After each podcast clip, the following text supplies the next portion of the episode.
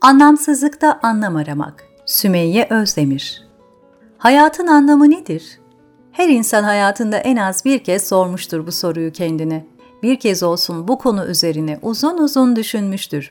Zira insanın varoluşsal sancılarını öyle kamçılar ki bu soru, birçok yazarı, filozofu, senaristi etkilemiş ve bu konu üzerine ürün ortaya koyma ihtiyacı hissettirmiştir.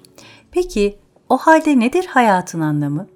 Lugat tanımlamasına göre hayat, diri olmak manasına geliyor. Organların intizamlı bir şekilde çalışması hayatın anlamını karşılamakta yeterli oluyor. O halde insanın iç dünyasında neler oluyor da delicesine hayatın anlamını aramaya başlıyor? Hangi boşluğu doldurmak istiyor? Neden bu konu bir iç muhasebe meselesi haline geliyor? İnsanın anlam arayışını tetikleyen en temel hususlardan biri zannediyorum ki yaşamının başlı başına zor ve külfetli bir yolculuk olmasından ileri geliyor. Yaratılan her canlı hayatını idame ettirmek için bir yakıta ihtiyaç duyuyor. Lakin insan için beliren ihtiyaç bedensel yakıttan öte bir şey. Yaşam yolculuğunu sürdürürken ruhuna temas edecek bir şeylerin arayışı içine giriyor insan ve o elzem soruyu soruyor kendine. Neden yaşıyorum ben? Bu sorunun ardından insan hayat üzerine derin araştırmalar yapmaya koyuluyor. Bir deneme yanılma usulüyle hayatının gerçek manasını idrak etmeye çalışıyor. Bu arayış bazen öyle yorucu oluyor ki anlamı ararken anlamsız bataklıklarda kayboluyor.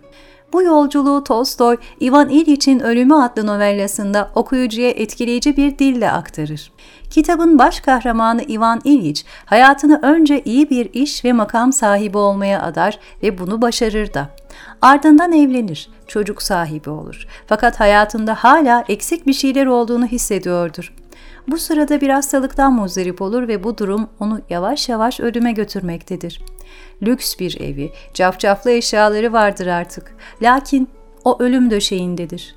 Ölmek istemediğini söyler defalarca kendine. Ama dönmek istediği yaşam bugüne kadar yaşadığı değildir. Peki aslında neyi istiyordur Ivan İliç? Ona hayatın anlamı olarak gösterilen şeylerden başka ne olabilir bu anlam? Nerede olabilir? Bugüne kadar kimse bu yaşadıklarının anlamsızlığından bahsetmemiştir ona. Anlamlı bir hayat nedir? Öğretmemiştir. O da ölüme direnmeyi bırakır sonunda ve yaşamaktan vazgeçer. Birçoğumuz Ivan İliç gibi anlam zannettiklerimize tutunup kalıyoruz çoğu zaman. Hayatımız sürüp giderken tutunduğumuz şeyler bize anlamlı gelmemeye başlıyor. Hayat diri olmak manasına gelirken ruhumuzu diri tutacak şeylerden yoksun yaşıyoruz. Yaşadıklarımızın anlamlı olmadığını fark ettiğimizde de o anlamı hep bir sonraki aşamada arıyoruz. İyi bir okul, başarılı bir kariyer, hızla gelen terfiler. Anlam hep yarınlarda sanıyoruz. Bu hayat yolculuğunda varacağımız yere hedefe öyle kilitlenmişiz ki yolculuktan keyif almak aklımıza bile gelmiyor. Yarınlara hep ümitle bakıyoruz Lakin bugünü göz göre göre yitiriyoruz. Bu yolculuğu bereketli ve mana dolu bir hale getirmek, bugünün idrakinde olabilmek adına tasavvuf alimlerinin önerdiği yegane şey anda kalmak. Yani İbnül Vakt olmak. İbnül Vakt olmak sadece içinde bulunduğun anla muhatap olmayı gerektiriyor. Ne dün, ne de yarın. Şu andan üstün olmuyor. Her şey şu anda anlam kazanıyor. Fakat bu kavramı modern anlayışın gününü yaşa yahut carpe diem olarak sunduğu haz odaklı eylemlerle karıştırmamak gerekiyor. Çünkü hiçbir dünyevi haz ebedi bir mana vaat edip hayat yolculuğunu sürdürecek yakıtı sunamıyor insana.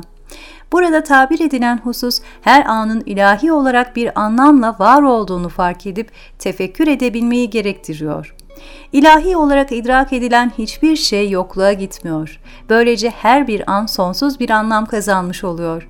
Anlam ararken yorulmak yerine hayatın her köşesinin birer anlam zerresiyle döşenmiş olduğunu farkında bir ömür sürdürebilmek, insana anlam arayışında ziyadesiyle yetiyor.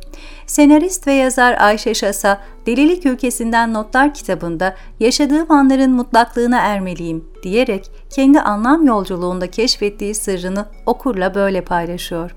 Bu vesileyle anlam uzaklarda olmaktan çıkıp yanı başımızda, bize bahşedildiği haliyle zahir hale geliyor.''